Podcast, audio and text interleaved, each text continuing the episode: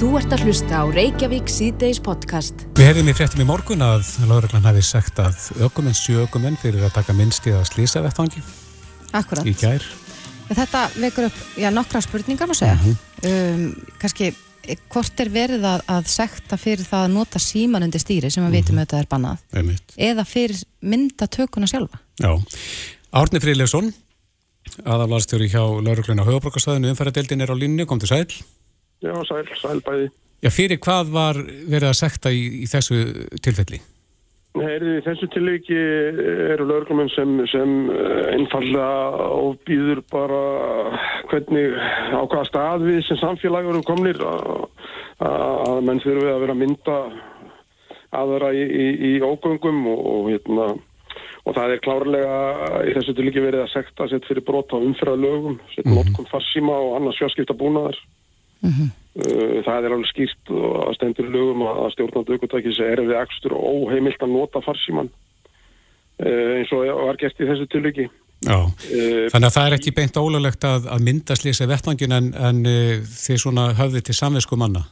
Já, sko, almennt sko hef, höfum við, lögreglan hefur ekki heimilt til að hindra eða, eða komið vekk fyrir myndatökur á, af okkar störfum ásett ofinbjörnum vettvangum Mm en samkvæmt lögreglu lögum og þá er það sett, í eðli lögreglu starfans að, að, að það geta komið upp atvik og verkefni að lögreglan sett, telur þörfa á að meina tökum mynda og, og, og það er til dæmis varandi rannsóknar hagsmunni eða hagsmunni þriðja aðila við getum ímyndað okkur alvarlega, mjög alvarlega umfyrirslýs Uh, þar sem uh, það hefur verið að mynda út úr bílónum hérna slasaða einstaklinga og setja þetta á samfélagsmiðla og það sér hver helvita maður að, hérna svoleiðis hegðun er bara óeðlileg og, og hérna það, það vill enginn sjá á samfélagsmiðlum myndir af, af hérna kannski ætningum eða vinnum í, í, vandraðum þannig að Þannig að við eins og kemur fram í tilkyn okkur við, svona, við erum að byggla fólkum að sína smá náðunga kjærleika og, og, hérna, og sleppa þessari hennum. Mm -hmm. En hversu mikið verður þið vör við þetta? Er þetta bara nánast á, á í hvert sinn sem að slís verður umferðina þá er einhver komin með síman á loft? Ég, það er bara eitt svar við þessu, það er bara já. Það er bara því miður og þá er þetta afskaplega algengt og, og hérna ef það verður slísið óhöpp eða, uh, brunar eða þess áttar þá bæði félagar okkar hérna í slökkuleiði og sjúkraflutningsmenn uh, kvarta mikið undan þessu og einnig við þessum erum að vinna á vettvangi. Við verðum bara mikið að, að fólk er er, er uh, að stoppa og tröfla aðra umferð hann kring uh, til þess að taka myndir og, og að því ég vitnaði nú í lauruglögin á það þá, þá hérna, e, e, höfum við þessa heimild í lögunum að, að, að, að banna myndatökur ef þetta veldur verilur í tröflun og starfi, starfi lauruglu eða verilur hættu líka mm -hmm. uh, við höfum fengið umferðar óhöf vegna þess að fólk er einfallega Hérna, ekki að, að mynda ófarir annara og, hérna, og lendir þá umfyrir á oppi. Þannig að, að, að þið sjáu það að þetta er, þetta er svo margt sem er óöðlegt í þessu til miður. En hafið þið gert þetta áður? Það er sem sagt að fólk fyrir, fyrir þetta? Já, það hefur komið en ekki í þetta miklu magni það er að segja í þessu til ekki voru sjökumenn kerðir, kerðir fyrir, fyrir hérna, þessa yðju. Voru þetta sjö aukumenn á sama tíma bara sem voru að mynda já, sama vettvangin? Já, já, já, sem keira þarna fram hjá og er að mynda og hérna, en, en, en þetta, þetta er ekki algengt að við kærum fyrir þetta en, en, einfallega verðum við að fara að skoða bara þess að gangin hjá okkur í samfélaginu og þetta er bara, maður er á annars þessum góða og fallega degi, þá er maður alltaf svektur með svona hegðun. Mm -hmm. En er þetta til vitnisum það að þið munið þá taka öðru við sjá slíku málum í framtíðinni? Það verður svo bara komið ljós. Þetta er allt fyrir eftir eðli vettfangs, eðli slísa og óhappa. Var þetta alvarlegt slís í gerð sem umræður? Þetta var slís og það er bara í rannsók þannig að ég get sjálf og sér ekki tjáð mig mikið um, um set, alvarleikan en, en ég get staðfist að það var voru minniháttar meðsli mm -hmm. en, en leit út fyrir að vera mun alvarlegra í upphafi. Mm -hmm. Um daginn rakst ég á frétt þar sem að var vitnað í uh, lauruglun á Norðurlandi eistra held ég alveg örugla, þó ég sé ekki með það fyrir frammi, sem að, að tala um það að, að já, notkun síma undir stýri væri að færast í aukana. Er það ykkar tilfinning líka? Já, það er svona, ég hef svo sem ekki neinar tölur uh, borðlingjandi núna fyrir fram á mig, en það er svona alltaf tilfinning lauruglumanna sem ég ræði við að þetta sé aukast aftur uh, þegar að sekt, uh, sektar upphæð fyrir, fyrir þetta brot var hækkuð, þá slóði þetta svona alltaf á, á puttana á fólki, mm -hmm. en, en síðan verðist þetta vera svona komið alltaf í, í, í farið að menn sé að nota síma og, og við sjáum allir mikið hérna í síðdegisumferðinu, þá sér maður hausan á ökumönnum detta niður í, í bringu og, og hérna og, og svo vaknaði þegar það hefði byrjað að flauta á þegar hann fyrir að ganga aftur sko. Hver er sektar upphæðin í dag fyrir að nota símenti stíli? Þetta eru 40.000 íslenskar Já. og, og eitt punktur í ökuferil skrá, við skulum ekki glema því Eru þið nógu dölir að bregðast við þessum brotum?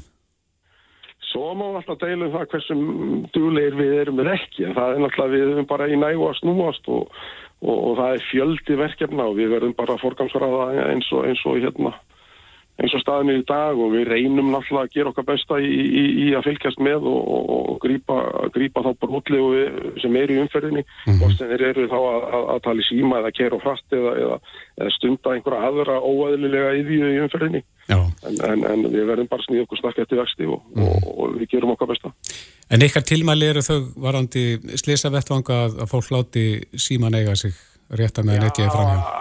algjörlega og, og bara höfða til skynsemi og hjá fólki að, að vera ekki að mynda og oftast er þetta eh, vestu dagar sem fólk getur upplegað að lenda í svona óhöfum og, og, og ég held að ef hver og einn horfir í, í eigin barma þá vill hann ekki vera að láta mynda sig hérna í, í þessu uh, sett ástandi. Nei, voru ökkum en bennir um að eigða þessum myndstiðum í djær úr símónu sinum? Eh, ég þekki það ekki. Ég, ég hef því miður ekki náða á, á þessa löglumum sem, sem unnu, unnu eh, hérna á, á þessum vettfangi þannig ég get ekki svarað þeirri spurningu. En hafið þið heimil til þess að, að já, krefja fólk til þess að eða myndunum eða myndskíðanum? Í það fyrir eftir eðli eh, myndana, hversu, hversu hérna að, set, og þá eru við komin inn á, á personuvenda lög, hversu, hversu mm. set, uh, greinalegar myndirnar eru af, af einhverjum aðilum sem hérna Eh, en svona heilt yfir þegar fólk er að mynda uh, veist, á, á íþróttaða viðbörðum eða uh, tökum bara dæmi sem menninganótt skilur, þá, þá er ekkit aðtugavert við það að það sé verið að mynda laurugla á störfum og, út af vettfangi. Nei, já þetta er góð skilabóð út í umferðina að, að láta síman vera hvort sem að umverða ræða slísið ekki. Árni Fridlefsson, aðal varstjóri umferðadelta lauruglunar á höfuborgsvæðinu. Kæra þakki fyrir þetta. Já, takk sem leist, takk. Þú ert að hlusta á Reykjavík C-Days podcast. Ég held að það sé nokkur ljóstað á komandi vikum munum við eflust ræða mikið um kjara viðræður. Já. Kjara samlingar uh, losna í haust í mörgum tilfellum. En í síðustu viku voru fréttir af því að Fririk Jónsson, formar BHM, hann uh, mun fara, fekk umboð til þess að, að já, viðræðu umboð fyrir komandi kjara viðræður. Mm -hmm. Um, kjærasamlingar BHM losna held ég á næsta ári, alveg öruglega en það sem hann viti gera er að setjast að samlingaborðinu sem allra fyrst og hefur sagt að, að þetta sé já, kannski íslenskur ósiður mm -hmm. að, að þessi seinagangur Ef ég tók rétt eftir að þá var þetta borðið undir fjármálar á þeirra, Bjarnar Benítesson sem að bara tók undir þetta menn mætti nú byrja fyrr Já, en það er líka spurning, hvernig er þetta gert í löndunum í kringum okkur? Mm -hmm. Hann er sestur í okkur, Freirik Jónsson, formadur BHM, kom til sæl Komið sæl Já, þú vilt setjast niður sem fyrst og byrja að ræða málinn. Er þetta eitthvað sem við ættum að vera að gera í, í, í fleiri tilfellum? Já, algjörlega. Er, þetta er það sem að sko, ríkisáttasamir hefur verið að kalla eftir og í raun og veru verið í virkri vinnu við að gera að stöðla því að það verði markvísari vinnubröð og vinnumarkað og verið að halda sérstök námskeiðum, samlingatækni og annað, annað slíkt. Þannig að, að þetta er svona kannski ákveði svar við ákalli frá ríkisáttasemjara líka hefur uh, sælabankastjóri núna þegar hann hefur verið að, að, að herða okkur skrúðnar með, með, með vastækunum hefur hann kallað þetta ábyrð vinnumarkaðarins og, og, og líka og ég get deilt við uh, sælabankastjóra um ímislegt eflaust tengt efnaðismálum en það er sjálfsagt að taka undir það ákalla við sínum ákvæmna ábyrð og einlega til að sína ábyrð er þá að við vöndum okkar vinnubröð og byrjum, byrjum undirbúning fyrr og byrjum samtalið. Hvernig gæti svo undirbúningur, uh, hvernig gæti hún verið hátta? Það er að hvað geta menn byrjað að ræða með svona löngum fyrir þarna? Það er, það er hægt að ræða í raun og veru flest allt sem menn viljað en, en sérstaklega í þessu umhverfi þar sem við erum í uh, með ákvæmnar áskoranir sem eru ekki vennjulegar uh, við erum með verbulguna í fyrsta legi sem við erum búin að vera blessunlega þokkarlega laus við síðastliðin rúma áratu allavega í þessum tölum uh, sem gerir það verkum að það er, það er brýtna að setjast niður og, og reyna, reyna að leysa, leysa málin mm -hmm. Númer tvö, það er óvisa tengt uh, aðfengum og aðfangakeðjum í kjölfar COVID. Númer þrjú, það er stríði í Evrópu Uh, það sérstaklega er að hafa verulega áhrif bæði í hvað varðar verðbólgu og svona óvissu í almennum efnaðsmálum bara allt í kringum okkur og það hefur beinu og óbyn áhrif hér á Íslandi í svona umkörfi, sérstaklega þurfum við að sína kannski ákveðna áræðni en líka ákveðna uh, ákveðna skinnsemi því hvernig við nálgust þetta verkefni og það er ekki gott að vera þá að býða fram á síðustu stundu uh, byrja sent og illa og svo taka alltaf langan tíma í síðustu kjærasamlingalótu þá leiði næstum því ár frá því að samningar runnu út að meðaltalið. Að meðaltalið voru 355 dagar sem liði frá því að samningur rann út þar til nýr samningur lág, fyrir hjá BAM fjölugum. Þetta er náttúrulega e, bara, veist, þetta er óverjandi, þetta er ekki til lagi.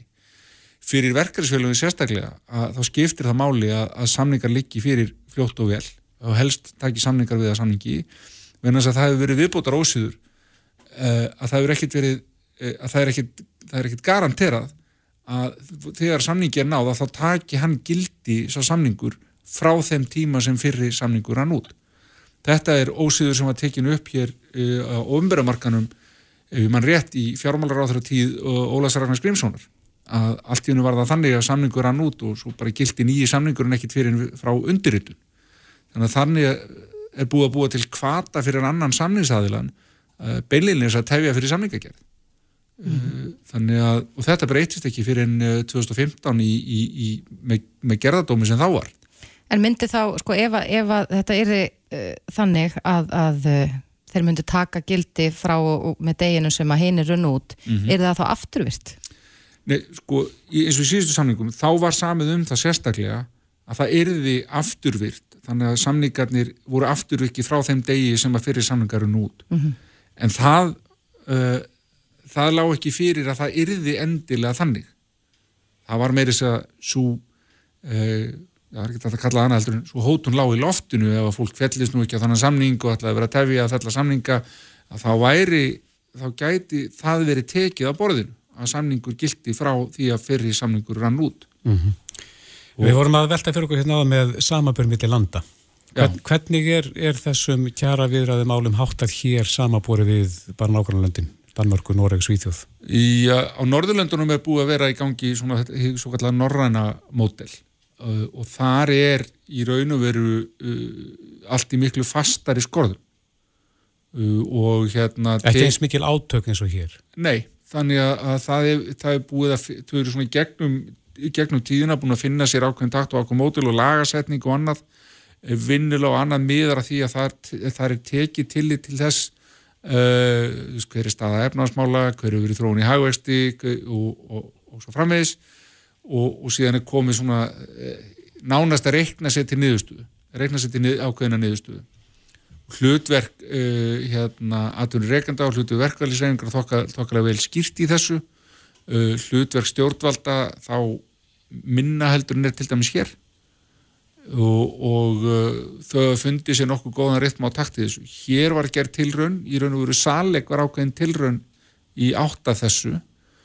Um, það sem ég kynnt mér af saleg og ég veit að, að, að, hérna, að það var gaggrind meðlan sinna BHM og sínum tíma að þar fóru, fóru með kannski aðeins fram úr sér í því að komast að niðurstuða norrænu mótili e, svona, fóru strax í endan en það hefur kannski þurft að klára ákvæmna hluti áður þú komst að, þeirri, komst að þeim áfangastað mm -hmm. það eru ákvæmna skekkjur í Íslandum vinnumarkaði sem eru uh, eru, eru, eru ekki eru kannski skarri á hinnu norðandurum mm -hmm. búið, búið að vinna líka upp ákveði tröst og ákveði verklag og við vorum bara ekki komin þángað. En er þetta eitthvað sem við þurfum að vinna að, að komast, þessa stöð að komast í?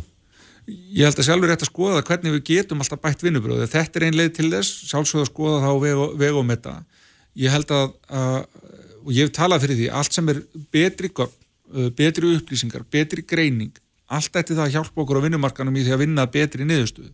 Við höfum til dæmis verið að skoða það e, núna undanferðið, það er til dæmis verið að alltaf verið að ræða um það hvert svigrúmið er til launahækana og nú vorum við bara að skoða það í okkur og horfum bara nokkur árættur í tíman og það er svona pínu kaldaninslegt að sjá að það skipti lengum máli hvað var að gerast í hækjörunu að alltaf sögðu sko, fullur á stjórnvalda og fullur á ratunurreikanda að það var ekkert eða lítið sem ekkert svigrum til launahækana og alveg óháði hvort að hægustur væri á fullur í ferðið eða ekki.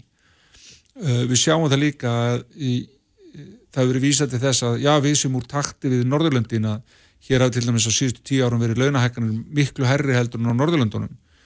En hér hefur haugustur verið líka allur annar heldur á Norðurlöndum, har var miklu meiri þannig að það er ekkit óeðlilegt að launahækkanir og launathróun hér hafi þá verið með öðrum hætti.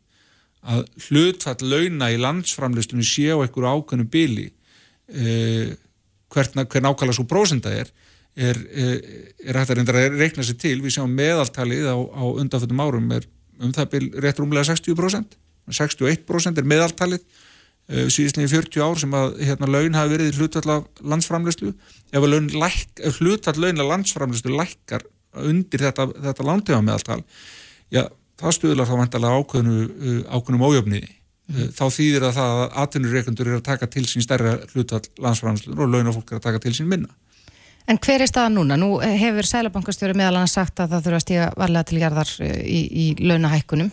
Og, og það er svona tótnin sem maður hefur heyrst einnig frá stjórnvöldum og, og, og atvinnulífinu uh, er sveirum til launahækana núna? Ég, ég, það, það er sveirum að því að þegar þú horfir á bæða hafastartölur en síðan horfir eftir mismunandi atvinnum og þá er sveirumi, það er misjamt en það er augljóslega sveirum hvað það sveirum er mikið e, það er náttúrulega eitthvað sem við þurfum, ræðum náttúrulega við borðið en sveirum er kannski núna er fyrst og fremst til þess að vernda kaupmáttin ég hugsa þessi það er erfið að sækja kaupmáttar aukningu á tímum verulegur óvissu eins og nú er. En að minnstakosti að við sækjum það að verja kaupmáttin að því að núna er kaupmátturinn uh, að er rýrna í raun og veru úr tveim, tveim megin ástæðum sem að við öll sjáum bara þegar við í, í veskinu hjá okkur. Það er annars vegar hækkunvelas verðbóklan, við finnum fyrir henni við, við bara tökum eftir því við fyrir um til búið og það er allt orðið dýrara. Matarkarvan er dýrari og, og, og svo framvegis. Og síðan er náttúrulega áhrifin af, af vakstahækkunum og vakstahækkunum eru vegna verðhækkana. En þetta er það sem ég kalla þessi tvöfaldi kjarabrunni sem er í gangi. Annars vegar vakstahækkanarnar og hins vegar verðbólgan. Og við þurfum einhvern veginn að komast, komast uh, fyrir þetta. Uh, þá ætti það að vera mínumatti eitt, eitt af fyrstu markmiðum kjarasamning er það, jú, við þurfum að bæta um, launafólki í raun og veru þetta tjón með einum öðrum hætti. Fyrst og fremst náttúrulega í, í því að hækka launin. En líka þá að taka þátt í því hvernig tempuru við þessa verbulguvalda, eða sérstaklega þessa innlendu verbulguvalda uh, hvað getur við gert til þess að vinna já með sæðlamakkanum þannig að hann geti aftur lækkað vextina minnst ást ekki að hækka meira heldur norður og helst aftur lækkað, lækkað vextina. Og það er sammeilitt verkefni á vinnumarkaði, það er sammeilitt verkefni okkar í launþæðarhefingunni atvinnureikanda og, og, og, náttúrulega stjórnvalda. Sem fullur úr launþjóðarhefingur þá hefur mér þótt verið að kannski full mikið ójafægi því hvað er verið að setja ábyrðina það sé fyrst og fremst verkefælisreifingarinnar e, það er ekki rétt, við erum flest öll erum bundin í samningum þannig að launa, launahækkanir launaskrið sem hefur verið núna er allt sem byggir á, á samningum. Ábyrð atvinnureikanda uh, þeirra sem að eru að setja verð og annað sama tíma og eru jáfnvel að taka sér met, met hagnað og met arsimisútgreislur uh, skýtur það ekki svolítið skakku við? Uh, þurfu ekki allir að, að, að, að gæta ákveðins hófs, það er ekki bara að kalla eftir því frá, frá löndþæðarhefing Nei, rétt aðeins í lokin þú kallaðir eftir því að menn byrjuðu fyrr að tala saman, Já. hefur þið fengið sterk viðbröð við þessum? Já, ágættis viðbröð, ég fengi náttúrulega, þú vitnar í fjármálar á þeirra, ég sá að hattar eftir þeirra að hafa saman og ég hérna uh, uh, þannig að ég, ég á fund með fjármálar á þeirra núna síður í vikunni, þannig að ég gerir bara ráð fyrir því að við reynum að finna okkur leið til þess að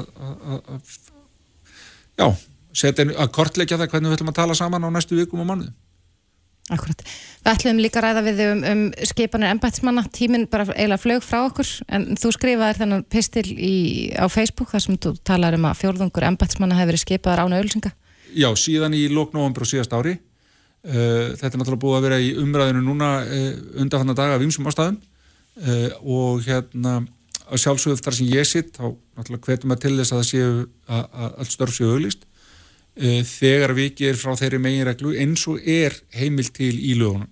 Það er heimilt fyrir því að, að, flytja fólk til í starfi en þá þurfa að vera fyrir því málefnilega ástæður. Mm. og, og, og maður hvetur til þess að þetta sé, þetta sé farið sparlega með þessa heimild og þegar hún henni er beitt að þá greini e, greinir áþurra frá þeim málefnilega ástæðan sem líka bæki því að, að ákveði var að gera þetta ekki með þessum hérna e, já, ekki var ákveði að fylgja skildunni til auðlýsinga. Hefur það fæst í vöxt að, að e, þessum tilfellum að fjölga? Uh, það er svolítið tilfinningi sem maður hefur haft og þess vegna fór ég nú vennulegt fólk á lögutöfum fyrir nú kannski íspíltúr eða gerir eitthvað skemmtilegt, ég settist niður og, og las mér gegnum alla frétta tilkynningar stjórnarásins frá því nú byrjið fyrra til þess að taka saman mm -hmm. uh, alla tilkynningar og rán, ráningar og skipanir.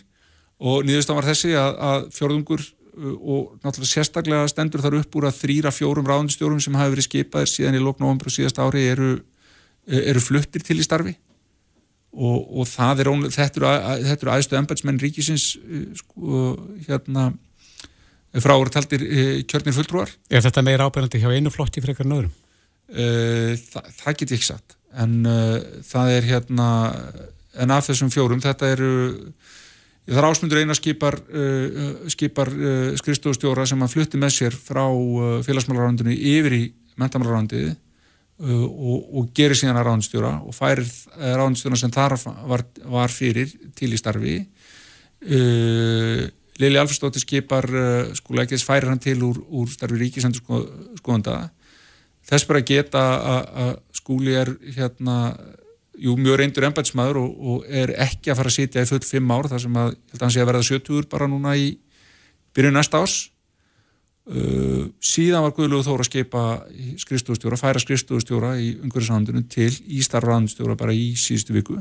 Uh, það var þetta nokkrum dögum áður og tilkynntum þetta með þjóð, þjóðminnaverð og það er svona já, þetta er kannski þetta eru, eru aðstörfin hjá ríkinu að, að og ég held ég að segja út að kjarni var með út að sjö af tólf núarendi ráðnstjórum hefðu verið fluttið til í starfi. Eða en, en ekki, staðar er ekki auglist mm. og er það ekki svolítið hátluðvall í einhverju sem á að vera undan tekník og ekki meira klar. En er þetta bara einhver fræntikli? Nei, ég ætla nú ekki að fullera neitt um það en, en hérna þetta er uh, eins og segi, það er krafa á, á ráðherra þessu málefnarlegar ástæður að baki svona ákvörunum þannig að fyrst gang út á því að það séu málefnarlegar ástæður en þá er eða líka þessi greint frá þeim mm. Já, Freirik Jónsson, formadur BHM Takk kærlega fyrir komuna. Takk fyrir mig. Þetta er Reykjavík C-Days podcast. Er átt í 3000 tonn af köldu vatni. Já, mjög erfitt með að átta mig á, á þessari einingu 3000 tonn Já, af vatni. Einmitt. Já, það er kannski erfitt að setja þetta í samviti við eitthvað annað en, en uh, þeir eru komnið til okkar til að ræða þetta mál. Jón Trösti uh, Kárasson, fástuðum að það er vass og frávitu hjá veitum og Holger Örleksson, sérfræðingur í rekstur og öryggi hjá veitum. Velkomnir. Takk fyrir. Takk. E, er það einhverju nær um hvað, hvað gerðist þarna? Hvernig fór þessi pípa í sundur? Uh, við erum í dag fyrst að sjá í rauninni í pípuna sjálfa mm -hmm. frá því á förstu daginn og við höfum í dag verið að uh, rauninni að búa okkur til aðstæð til þess að hefja þarna vinnu við það að grafa ofan á lögninni og við sjáum í dag að hún hefur gefið sig á samskeitum og á þessum tímapunkti höfum við í rauninni ekki nema bara svona einhverjar óljósar hugmyndur um það hvað þarna hefur gest en það er uh, augljóslega uh, mikli kraftar orðis valdandi að, lögnin gefur sig þarna á þessum þykasta parti hérna pípuna sem eru, sem eru samsetningarnar mm -hmm. er, er samsetningin þá 60 ára gömul eins og lögnin sjálf? Já Hvernig eru svona lagnir setta saman? Er þetta Svoðið saman? Nei, þetta eru stiftarlagnir og það, það er þannig að það er rörendi, þetta eru svona um það byrju 6 metrar langar einingar að það er stingast hvort innan í aðra mm -hmm. þannig að endin stingst inn í svona muffu og, og það er þar á þessum samskiptu sem ánur rofnað. Við vorum með þetta ræðið náðan að þetta hefði nú verið tölvert meira tjón ef að þarna hefði heitt vatnur unni í staðin fyrir það kalda. Já, það hefði búið þótt að tjónið sé enga sér mikið að þá, þá hefði e, þetta verið öllu verra ef að, ef að það hefur verið hitt á vatninu, já, engin Mhm. spurning Hefði, hefði verið hægt að koma í veg fyrir þetta? Er kannski of, of fljótt að segja til um það? Ég held að það megi illa kannski draga álítanar af því að, hvernig, að, að það hefði, þannig að það hefði mátt komið í veg fyrir þetta. Eh, Þetta er náttúrulega bara lagnir sem að liggja hérna í kílómetrum, kílómetravísum borgina víða og þeir á endilanga og, og hérna og við erum í sjálfsögur alltaf í okkur störfum að, að, að leggja mat á kerfið okkur og reyna að greina stöðuna því hverju sinni og, og hérna ég sé ekki neitt sem að í rauninni við höfum geta gert öðruvísi í þessu eða gert til þess að koma í veg fyrir þetta. Nei. Nei. En uh, við rættum nú aðeins hérna málinn áður við fórum í loftið og þið, þið sögðu okkur að þarna hafi runnið, er það ekki tonn á sekundu? Jú, sem er að- 988 sekundulítrar síndist mér hafa farið þarna út. Já, en þannig ímsa sögursagnir sem fara að og, og einhver segir að þessi lögn hefur verið til vandraða áður. Kannist við það að hafa þurft að vinna í þessari lögn eitthvað?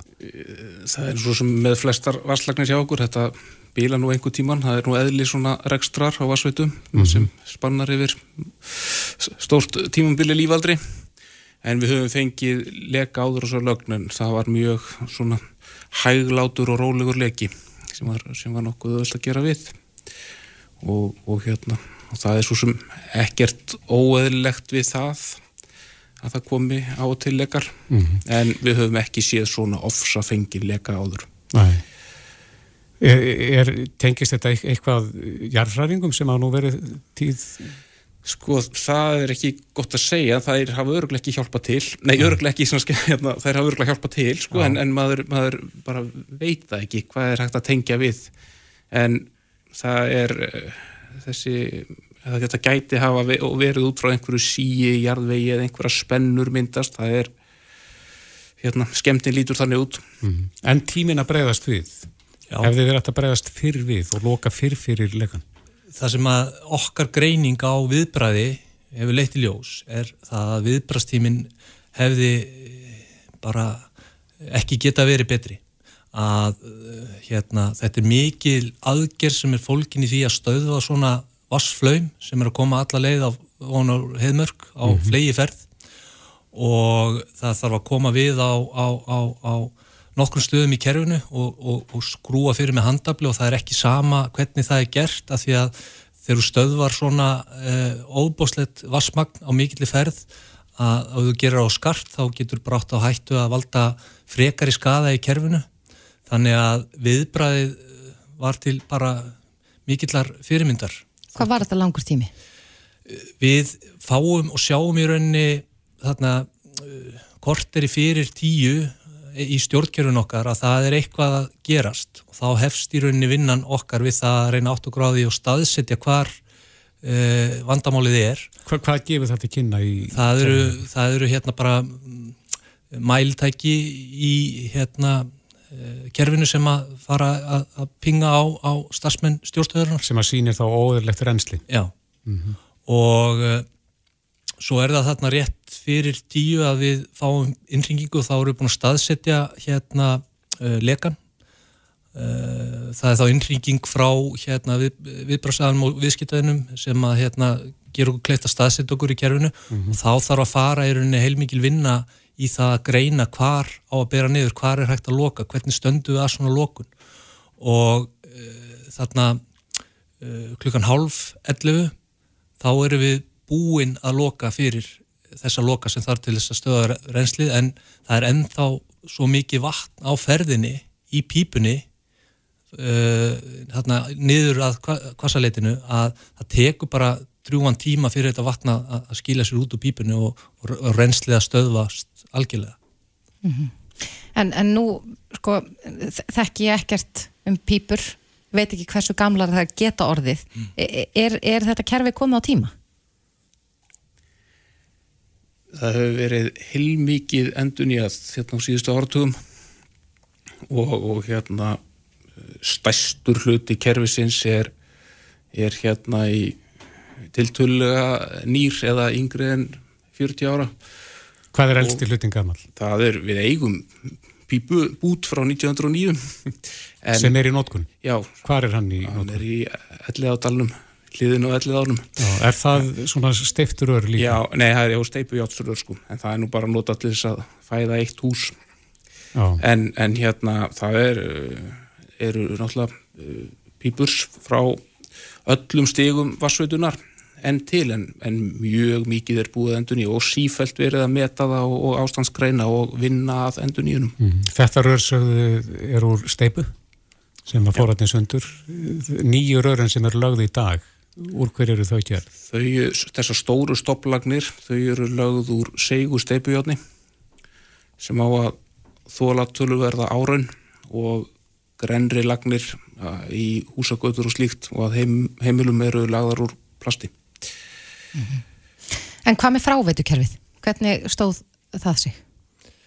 Uh, fráveitukerfið stóð sér nú bara ágætlega. Þetta er náttúrulega þarna niðurföll í göttum sem að hérna í rauninni hafa ekki undan þessu óbúslega vassmagni og þá verða þarna, verður uh, uh, myndast þarna tjarnir mm -hmm. og, og í rauninni þá fór uh, ekki bara flokkur vassveitumegin heldur líka fráveituhópur af stað til þess að einmitt opna niður og, og, og gera allt hvað hægt var að gera til þess að leipa þessu vatni niður en hérna en uh, þessi, þess, þessar ristar sem við sjáum í gödunum það er náttúrulega ráða illa við svona óbúslega vassflum sko mm. En þið vantilega læðið af þessu, þessar uppákomu, Hvað, hvaða lærdom að draga þessu? Þurfum við að breyta eitthvað verklægi eða vinnulagi eða... Já, við náttúrulega eins og öll viðfónsefni í lífsins, það má draga lærdom að þeim og það mm. gerur svo sannlega í þessu og, og, og í rauninni getur við kannski ítla sagt um það núna hvaða lærdom við mun draga þessu, það spil, við þurfum að fá upp hérna heildamyndina Eh, áður en við hérna, getum kannski sagt það með vissu að þetta er það sem við lærum að því og, og, og, og þetta ekki en, en, en hérna, það er bara svona inn í, inn í næstu misseri hluti af okkar ferli að greina stöðuna og átt okkur líka bara á því hvað, hvað við getum betur gert að því við höfum alltaf opinn huga og vilja til þess að gera betur í dag en í gerð. Já. E, þið eigi vantilega eftir að gera við þessa lögn, tilteknu lögn Já, það er nú... Við erum rétt að koma staði núna, ekki? Jú, við erum rétt að koma staði núna og það er í rauninni kannski það sem að við erum svolítið að melda með okkur er hvað við gerum þarna að því að við viljum ekki hérna setja þessa lögn aftur í rekstur fyrir að við erum komið með góða magatilfinningu fyrir henni að, að, að hérna og, og, og erum þess fullvis að, að eitthvað í samlíkingu við það sem átt sér stað þarna á förstu daginn gerist ekki aftur mm -hmm.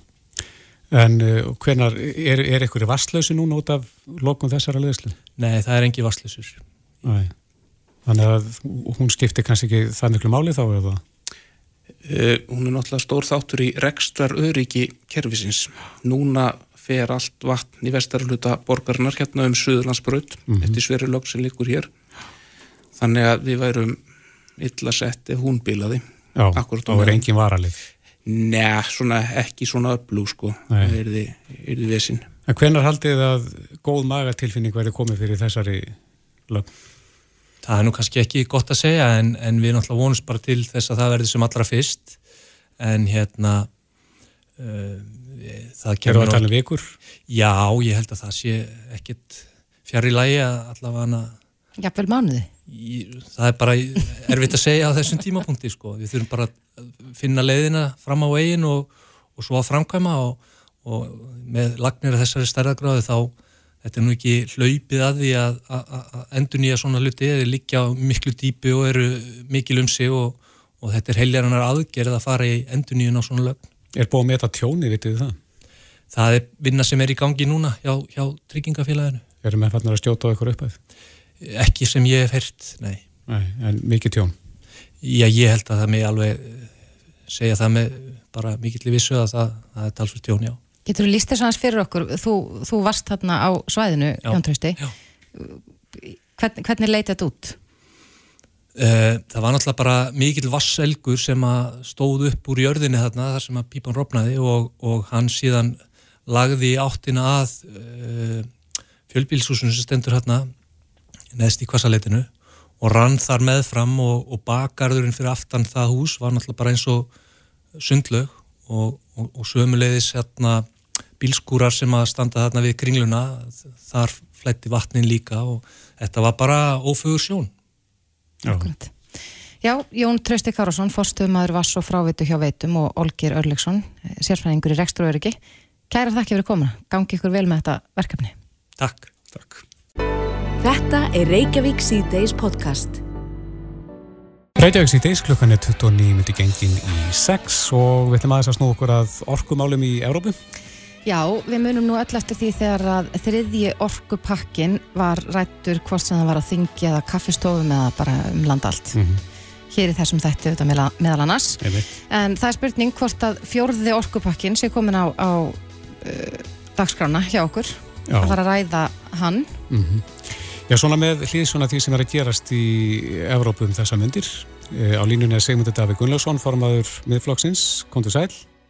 Komið sæl Já, þú e, varst einn af þeim sem tókst virkan þátt í umræðinum þriði orkupakkan hvernig líst þér á stöðuna í þessum orkumálum í Evrópu í dag? þetta er auðvitað alveg svakaleg staða þegar eitt mesta yðnveldi heims, Þískaland Þískaland horfið fram á það núna að e, fara í grávorku spöndun og e, er að bjóða fólki að koma á söfn eða í félagssmiðstöða til að hlýja sér mm -hmm. slökka á heilu bókunum að nætturlegi e, og þetta er ekki bara Þískaland auðvitað, þetta er eða öll Evrópa. Í Breitlandi hefur orkuverð hækkað jamt og þétt, þar eru þeir með það fyrirkomulega að það er, það er hámarksverð á hvað má innhemta fólki og þeir hafa margfald að það núna. Og auðvitað eins og þetta er í, í Noregi mm -hmm. sem er nú mikill orku framleðandi þar hefur orkuverð já, sumstaðar tífaldast á, á skömmum tíma þetta er svakalegt ástand og mun án Eva hafa áhrif á að menn þrýsti á um frekar orkupakka. Þeir eru nú búinir við að, að klára þennan fjörða og farnar að vinna þeim fymta.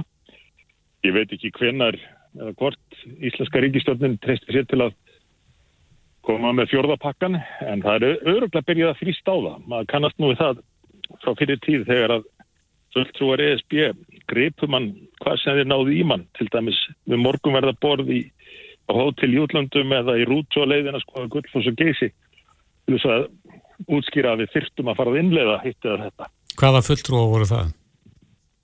Bara einhverjir bjórokratar Európa-sambandsins sem að hafðu það hlutverk að að minnst hversu töldu sig hafa það að, að, að útskýra að, að við varum alltaf sena okkur að innlega á Íslandi. Mm -hmm. En það er töluverð umræða mikill hitti varðandi raforkuverði í Nóri. Þeir framleiða nú rafmagn eh, eins og við en, en eru reynda með sínar línur tengdar við Európu. Hefur eitthvað kynntir umræðan eins og hún er núna þessa dagana eh, þar?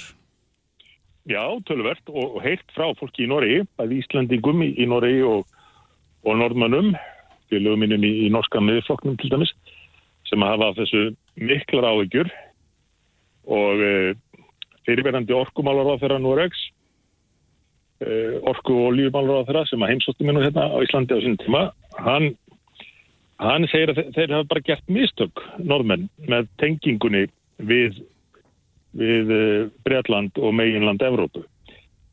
Þá hafi fólki verið sagt að, að norðmenn myndi áfram hafa stjórn á sínum orkumálum en annað hafi bara komið á daginn. Og núna er, er staðan semst svo að, að þau svæði Noregs sem eru tengd við euróska orkukerfið eru að borga markvallt meira heldur en norður Noregur. Það vil, vil eh, norðmönnum í norðurhölda landsins til haps að, að raforku tengingarnar eru það lélegar á milli landsluta að, að þeir eru ekki hluti af þessu euróska kerfi og fá þessna orkuna en þá miklu lagra verði. Mm -hmm. Það segir hér í frétt í fréttablaðinu frá eh, 4. ágúst síðastlinum að, að svíjar kaupi um þessa myndir ódýra raforku frá Norður Nóri og selja hana síðan áfram til Suður Nóriks á miklu herra verði. Já. Þannig að þeir eru að kaupa sín eigin orku á, á herra verði. Eh, akkurat, sem er náttúrulega mjög fundarleg staða að lenda í. En svíjarnir nýta sér það að þeir eru með betri tenginga yfir til Norður Nóriks heldur en tengingarnar við Suðunoreg taka fyrst orkun til, til Svíþjóður og selja hann svo aftur til Suðunoregs á, á miklu harraverði og þetta er bara áminning til okkar yllendinga um mikilvægi þess að halda forræði yfir okkar orkumálum það var það voru mikil mistök að samþykja þriði orkupakkan mm. sem að gengur út á fyrst og fremst að gera Evrópu að einum orkumarkaði undir stjórn Evrópusambandsins og eh, um leið að brjóta upp uh, ríkisfyrirtæki í orkuframlýslu og ég held að þetta ástand núna sín og ágætis áminningu mikilvægi þess að vera með öflugan ofinberan rekstur í orkumálum það sem að uh, við getum einbætt okkur að því að framleiða nóg af umhverjusvætni orku en, en um leið ekki tillit til þess að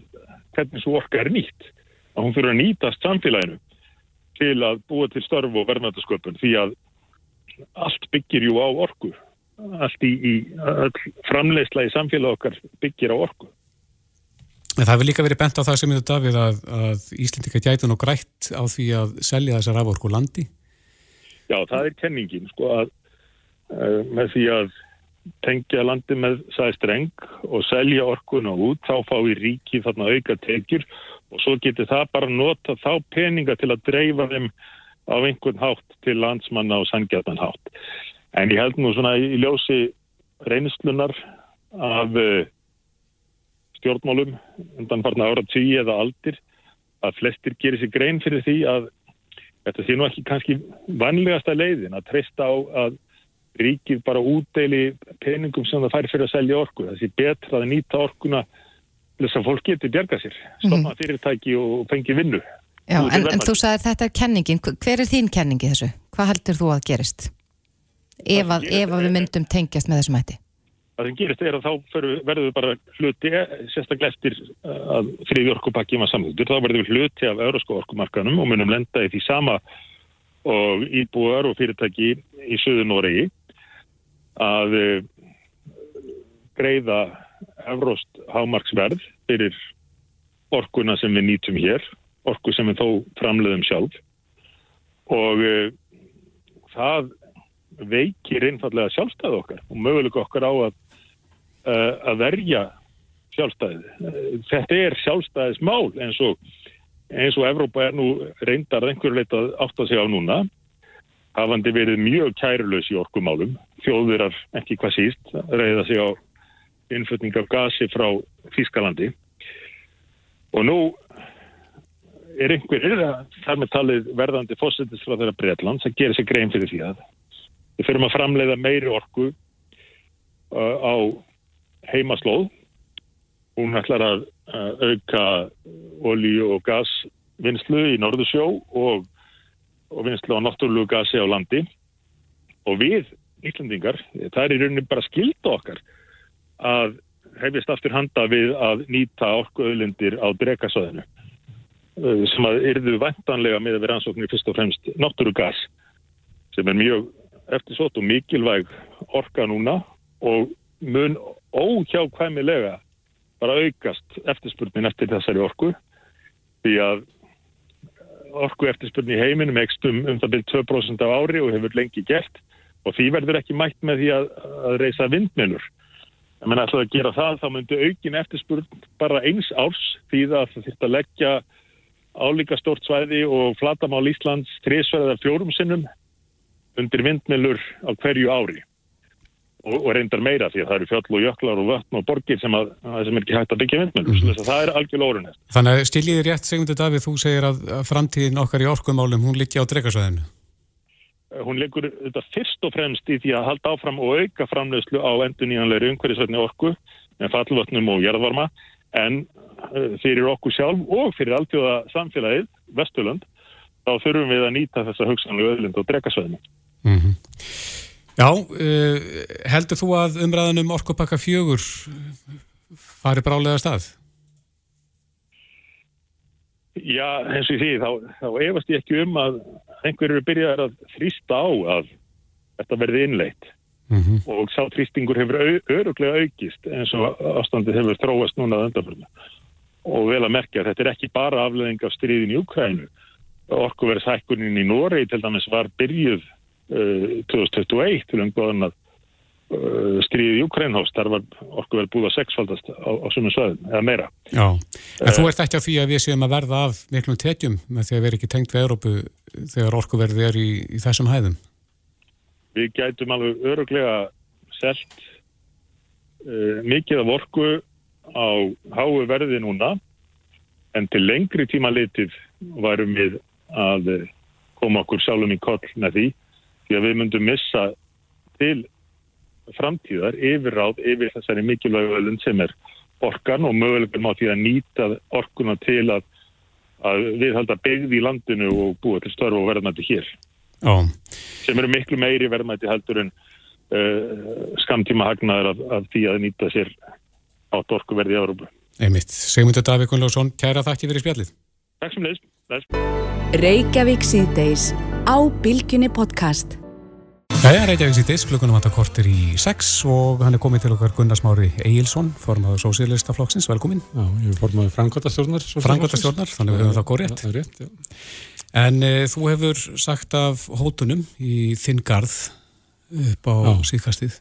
Já, ég það voru brotna rúður í það sem að flokkurinn hefur aðsettur mm -hmm. og þá er það svona sjá það allir þegar að gera fram hjá að það sé búið að byrja þarna allar gluga mm -hmm.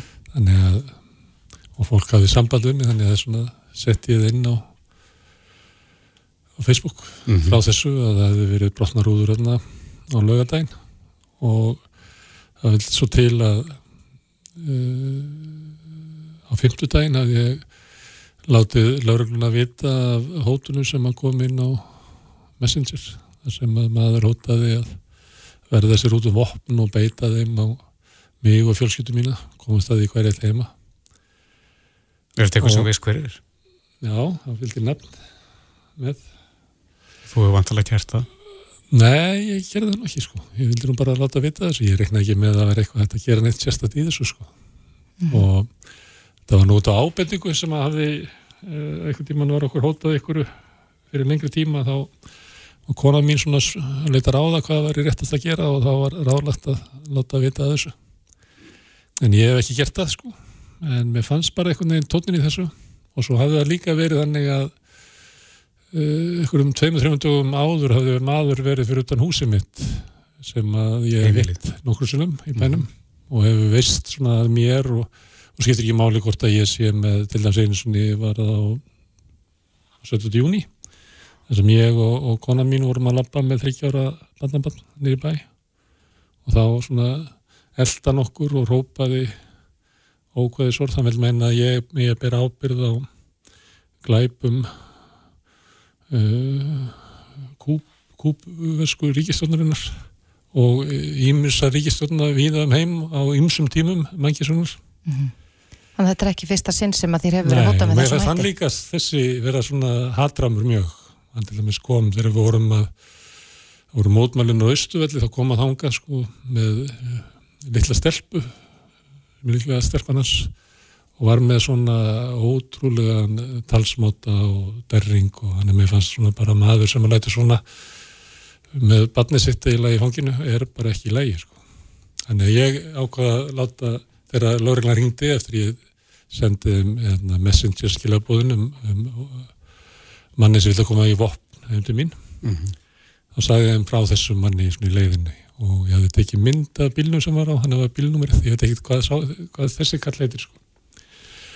En svo bara vildi til að það var sagt, uh, brotnarúður í, í húsnaðinu þar sem að sóstaflokkurinn er og við vorum inni á þessum tíma sko Mm -hmm. en það hefur verið svolítið svona það er svona eiginlega geimsla hann að djúftin í húsinu þar sem við tökum upp svona podcastætti þannig að það er svona hljóð ekki einágrað en svona það barst allavega ekki hljóð ákvæðin Vi, Vitið hvernig rúðuna voru brotnar?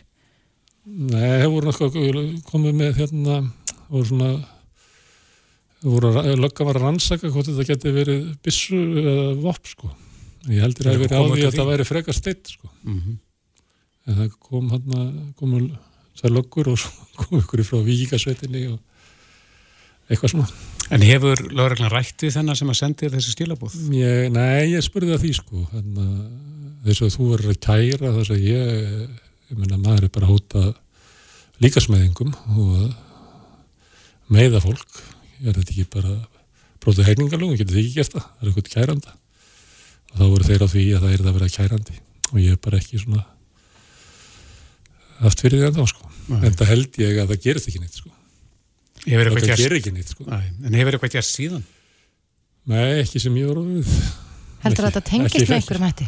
Heldur það að þetta tengist? Nei, ég held ekki sko Nei. Þess vegna fór ég að tala um að það væri svona að vera umhverfi sem espaði menn. Það er náttúrulega og fór að tala um það sko hvernig er talað um sósialisma og ég er náttúrulega kannist það svona við það. Og ég benti hlendans á að í átokunum kringum eblingu hefði Solveig Anna verið svona það er svona, þetta er kallað svona hundablýstur þú segir ekki beint hlutina en það hljómar þannig. Hún er með heldur dauðalista. Hún er stalinisti og þá verður að reyna að líta út svona því hún er sósalisti að hún sé svona vís til alls geti beitt ofbeldi, virði ekki mannrétti til fólks uh, hérna, annarkort er það veist, fæ ég mitt fram eða fólk bara má veist, passa sig einhvern svona stemming sko. og þetta er sama maður er bara veist, í spjalli á svona Facebook þá eru svona fólk sem að maður segja að vera málsmeitandi fólk sko. svona veður að manni hvort að maður sé stalinisti spyr hvort að maður stiði ekki Pútin sem að meikar enga sæn sko þú er sósialisti sko það er ótrúlega sósialistar í, í, í vestur landum gerðu upp við sko þróun uh, sofiska kommunistarflokksins sko áður ég fættist sko og er overað gamal maður samt sko. mm -hmm. og Putin er ekki kommunisti, hann er, hann er það sem myndi kalla populískur fasisti sko, sem er, er stífur hægri maður sem að fyrirlítur sósialisma mm -hmm. En það hafa nú, fjölmjölar hafa nú verið að fjalla um, um þetta í dag, bæði sko skemdaverkin Já, það komið svo dóma, það er mikið ummynda sko. og svo hafa ymsir bröðist við. Dagur Bjækjarsson, hann já, fordamir auðvitað þessi skemdaverk hann sagði að hann þekki það hvernig það er að verða fyrir slíku. En, en uh, aðstofamar dómsmálar á þeirra reyndi nú að hugga þeim einhverjum hætti? Nei, hann var með svona einmitt að ég, ég það var eitthvað, ég man ekki að orða þetta svona þekktur þjófur væri að væli verði að vera stóla þessu krónu eða eitthvað. Síbrótamæður. Síbrótamæður. Mm. sem er eiginlega, þú veist að ég geta skilið og ég fyrir meira til. Og mér finnst það sko, eh, ég bara næði ekki hvað þessi góðir er að gera í tónsmánandinu sko. Sem að hérna getur ekki stilt sig um að, að taka það alvarlega þegar það er að vera svona hótanir og svo dagur bendir á og það vita allir ekki allir sett sig í þau spór að það er svona ákveðið fríðarbrót þegar þau verið að hóta að koma heim til þín. Ég er, hérna, við erum núna einn heima, ég og 15 ára dóttir mín. Eh, kona mín hérna teku, hefur tekið þetta uh, svolítið næri sér. Og ég held að sé þannig að, að það sé vilja verra að vera svona barn eða maki. Mm -hmm. hérna mm -hmm að þessir einstaklingar líka kannski velja sér ekki já, þann, þann vettvang sem þú já, starfar á nei, nei, bæði það. Og ég líka var náttúrulega bladamær í daga og það okkur oft hótað og bara uh, íllu sko. Og þannig að ég veit ekki. Ég held að hérna, uh, hérna takja meira á fólki sem að það er kannski einhvern veginn að að maður er svona aðeins nærið þessu að þá reynir maður að setja eitthvað viti að skilja þetta en ef þú bara sérði þetta ekki alveg heldur heyrur bara hótaninnar að þá kannski hérna, en svo er þetta, hef ég ekki hugmyndu gott að segja þannig sko, því að Nei. það getur verið stór hættur að reyna að hugsa eitthvað vitin í eitthvað sem er bara vittlisa sko það er bara einhverju tjúlaði menn mm -hmm. sem að vaða áfram og þú veist það er ekki engin rög í þessu sko En erstu búin að út... eins og Brynjar að reyna að uh, lesa ykkur rökun í þetta að, að þetta sé bara eðlilegt. Þessi ráðist á sósælista þannig að sósælistar séu slæmir og hafi sínt ekki með söguna. Þetta er bara náttúrulega Já, hann er þetta bent á í pislinum að rúður hafi verið brotnar í valur Já En, en er það eitthvað sem að rá að vennjast að, að, að já, ofinbyr aðilar eða einstaklingar sem er í ofinbyri umræðu að, að þeir verði fyrir hótunum? Er, er það eitthvað sem við ættum bara að sætt okkur við sem samfélag? Ég veit ekki, ég hérna svona, mér finnst þetta að vera svona öðruvísi heldur en vannilega það er, maður er alls konar hérna svona, ég veit ekki svona hótanir í hita leiksins eitthvað svona, þú átt nú eitthvað skí, eitthvað svona þar. Mm -hmm sem er svolítið öðruvís heldur að menn eru bara að lýsa yfir sko, fyrirallan sem um hvað það ætla að fara að gera sko. Ertu búin að útlöka það að kæra málið? Af því að þú lítur þetta greinlega mjög alvarlegum augum og Já, þessar hótanir. já. Ég veit ekki, ég hérna, kann eiginlega ekki að taka ákvarðanir, ég bara geng með ykkur á hugmynd og hefði hvort venst og vel eða illa. En óttastu það að leggja fram kæru bara í... Nei, með að verða eitthvað verra. já, Nei, ég bara held að sé ekkert gert við það sko. nei, Ég held líka sko það var líka að mátti heyra skinnja svona á löggunni og svona svolítið að segja mér þetta kæra en svona ég bara las einhvern veginn uh, út úr hjá þeim að ég fæ ekkert út úr því sko nema eitthvað svona eitthvað máli í gangi. Já. ég fæ ekkert út úr því sko. Ég Nei. held að ég fæ, að kemur ekkert öryggi út úr því sko. Heldur að maður sem hótar að hérna, koma heim með vopp til mín gerir það síður ef ég kæra hann.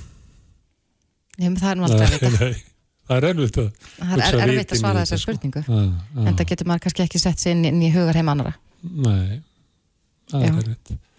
En verða einhverjir, þú ert ekki búin að taka ákvörnum almennilega hvort þú munir leggja fram kæru, er einhver eftirmálur af þessu, er, er, er það að gera eitthvað til að tryggja öryggi betur en með, það er frá því fyrir svona tveimur árum að það var svona uh, svolítið eitthvað sem að gætt tólkast sem hóttunum eitthvað ofbeldi þá settum við svona kamur á heima hjá okkur þannig að við allavega sá sem að kemur hann mun alltaf sjást Og þær við, ger, gangi? við gerum það sama við sósélistaflokkinu eins og ég Mm. setja þar kamerur þannig að þeir sem ætla að, að brjóta rúður þar að þeir mun allavega sjást á kamerunni Já. það er eiginlega eina sem ég eftir í að gera Einmitt. ha. Gunnar Smári Eilsson, formaður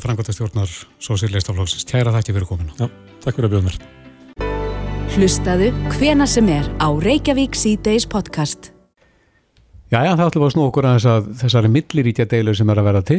Já, fyrst var það handritin, nú Já. er það lakrísin, Já, og súkulæði. já, Já, súkulæði hjúpaður lakrís. akkurat. Já, þetta er auðvitað mjög, mjög sérkennilegt að, að eh, danski maðurinn, eh, hvað heitir hann eftir, Jóhann Búlof, Mm sem við þekkjum nú alveg þannig að lakrís, ég hef borðað hann lakrís sem bræðast bara príðilega vel en hann vil meina að, að eh, hann hafi fengið þessa hugmynd að húða lakrís með súkulaði árið 2009 Já. Eigna sér sem sagt þessa hugmynd. Já, En það var hansi aðdeglisvert við tali í morgun við Pétur Tór Gunnarsson sem er frangotastjóri Freyju.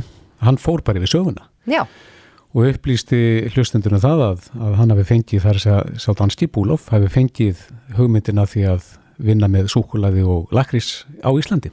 já En við erum komin í samband við eh, Ekki Búlof sjálfan. ekki Búlof sjálfan reyndar, ekki þetta sinni en það er hann Þormar Þorbergsson, súkulaði gerðamaður í Óðinsjöfum sem er á línni hjá okkur, komdu sæll Þormar Halló, halló. Er, eru Danir hrifnir af þessari blöndu, súkulaði og, og lakrís? Já, já, já, já, þetta er orðið bara nokkuð þekkt hérna, sko. Þetta er, þetta er orðið ansið vinsælt. Já. Hefur þú fylgst með þessari, eh, þessari innan gæsalappa deilu um höfundaréttin? Nei, nei, nei, nei, ég er nú eiginlega bara, jú, ég, ég vissi nú aðeins að þessi umræð hefur eitthvað, eitthvað verið í gangi.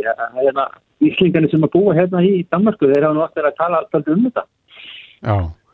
En þetta, Hérna, er þetta nýtt í þetta er- Danmarku? Nei, nei, já, þetta, þetta, þetta, þetta, þessi, kombinasjón, lakrís og mjölkúsugulaði, Mhm. ég held að sé svona 10-15 ár sí- síðan að maður fór að sjá það svona fyrst. Er hérna Danmarku. Dönum fannst það mjög skrítin samsetning eh, hérna, hérna, fyrir nokkuð mánu síðan, sko. En, eh, en, en, en þetta hefur heldur betur tekið við sér og þetta, er mjög vinsalt í dag hérna í Danmarku eins og á Íslandi. Já, en hvert er þitt svona sérfræði álit á þessu máli? Nú höfum við verið að borða, já, til dæmis draum hér í ára tugi. Já, Erum við ekki, eigum við ekki réttin?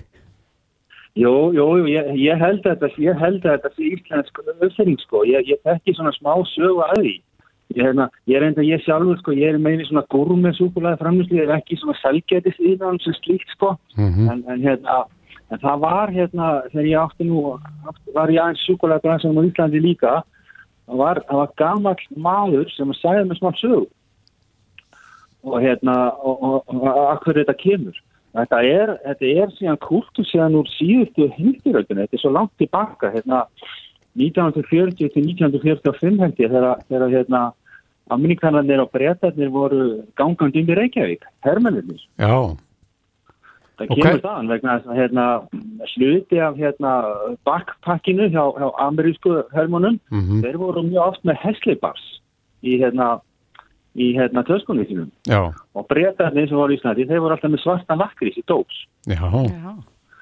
og þegar að hérna þeir voru að gera sér svona vinsalega, vinalega við krakkana í Reykjavík, þá voru þeir að gefa krakkanum þetta lakrís og mjölkursúkulega saman sko. já, já. og, og, og, og fólki á í Reykjavík það krakkanir söfnu þessu saman í vasan og borðu þetta síðan saman.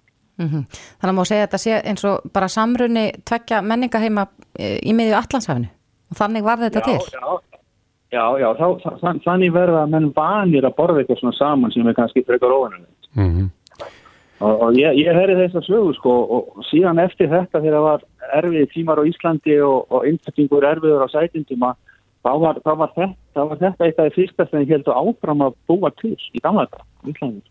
Já, já, hefur verið vinsast æg síðan sko. Já, Þannig að við erum alveg örglega langt undan dönunum í þessu. Ég held Já. að það sé alveg, alveg rétt sko. Já, Pétur, hérna sem var í bítun í morgun, uh, frangotastjóri Freyju, hann sagði að frá 1984 og til 2009 hafi fjöldi vara sem byggja á sömu blöndu liti dagsinsljós hér á landi. Þannig að sko í þessum samabörði Dana og Íslendinga þá, þá voru Íslendingar langt á undan með þessa blöndu saman. En þú segir þetta tegið sig allarleið aftur í setni heimstyrjöldina. Já, já, þetta er svo skýring sem ég hef, hef heyrt sko. Ég átti heima, ég átti heima í Danmarku hérna 90 til 95 líka Mm -hmm. og var, og var í, búin að vera í þessum bransa sem ég er í núna í næstu umlega 30 ár og, og þetta var ekki til þegar ég kom hérna fyrst í Danmarku, þá þekktu þetta ekki neitt sko. Nei, Og það voru hérna, ég held að það verið svona íslendingar sem að voru svona konditor nefnar í skólanum hérna og íslendingar sem var að vinna í, í bakaríunum hérna sko. Að, það var nú þeir sem svona aðeins að koma þessu inn hjá tunnunum, hægt og rólega. Já. En þú ert súkulega gerða maður, hérna óðisvið, ert þú að vinna með þessa blöndu að einhverju leti? Já, ég, ég er algjörlega súkulega gerða maður, ég, er- ég er ekki laknísamislega. Nei, þú ert ekkert að hjúpa lakrís heldur. Jú, ég ger, ég ger þetta svona aðeins sko, ég, ég, ég kaupi lakrís, flyt inn lakrís frá Finnlandi og, og svo er ég að setja súkulega utan um hann. Það heitir að drassera sko í svonavílum sem að hjúpa svona utan á kúlunan og gera það þykkar sko. Já, já. En svo býr ég mikið til súkulega úr svona lakríspulveri og anís og svona þessum lakrís að, aðurum. Býr til mín einn súkulega móla úr svoleiðis og nota mjölkursúkulega. Mhm. Já. Þannig að það er, það er talsvært vinsal sko. Já, en það hef, er nú já, í mörg ár búið að vera hálfgert lakrís æði hér á Íslandi, s- hvort sem það er sko salt lakrís eða bara okkar góði íslenski lakrís. Er, er staðan svipuð í Danmarku? Eru, eru þeir svona sólgnir í þessa vöru? Já, já, það Danir borða mjög mikið lakrís. Er hérna... En hann er ekki alveg eins og er okkar. Nei, hann er aðeins svona þéttari og ekki eins mjúkur og svona ekki eins, ekki eins blöytur á Íslandi. Það er svona fyrst okkur íslíkum og lakrís sem okkur ást betri. Hann er svona mýgri og blöytari. Mm Það er svona harðar í Danmarku. En það var, nú- það, það var nú hérna, sagt við mig hérna einu sinni að, að danst kveldfólk, það var í, það var í sá hérna hópur, hópur sem að borðaði mest af svörstum lakrís í Európa. Danskar konur. Já, Já, og það, og það getur alveg passa sko, konan mín, hún, hún, er, hún er alltaf að borða þetta. já. En er hérna, maður þekkir frá því gamla daga apotekara lakrísin? Er, er danski lakrísin líkur honum, veistu það? Nei, ekki lengur, það, það er til ennþá svona apotekara lakrís í búðum, hann er rosalega svartur og rosalega sterkur, Mm en, en sá lakrís var í gamla dag upptalega búin til sem sko, sem eiginlega lið. Já, til þess að koma sko óléttar konur sem að voru orkulíklar og blóðlíklar í gamla dag þegar það voru óléttar. mm Það voru læknar í gamla dag sem að notuðu hérna læknisrótina til þess að hérna til þess að ná upp uh, blóð hérna, framleiðslinni. Já, eitthvað við sko. Þess vegna var að búið til í gamla dag svona rosalega sterk. Aha, Þannig að, og þess vegna var hann seld, seldur í apotekum í gamla dag læknis sem hálfgjört hérna skulle sér lif. já, En, hérna, en, en, en það var þetta vant að borða svona sterkan lakrís. Þá fóru þeir að blanda út í það sigur. akkurat. Og það er sá sem við þekkjum betur í dag. Já, og svo er þetta náttúrulega, já, núna er þetta náttúrulega bara nafni, sko. Já, en uh, ég held að við séum bara komin til bossi þessu stóra, uh, þessari stóru milliríka deilu. Já, já, það er mikilvægt. Við þurfum að sigra þetta. Já, já. Þormar Þorbergsson, súkulaði gerðamaður í Óðinsvíðum. Kæra þakki fyrir þetta. Takk fyrir, takk fyrir. Reykjavík síðdeis á Bilginni podcast.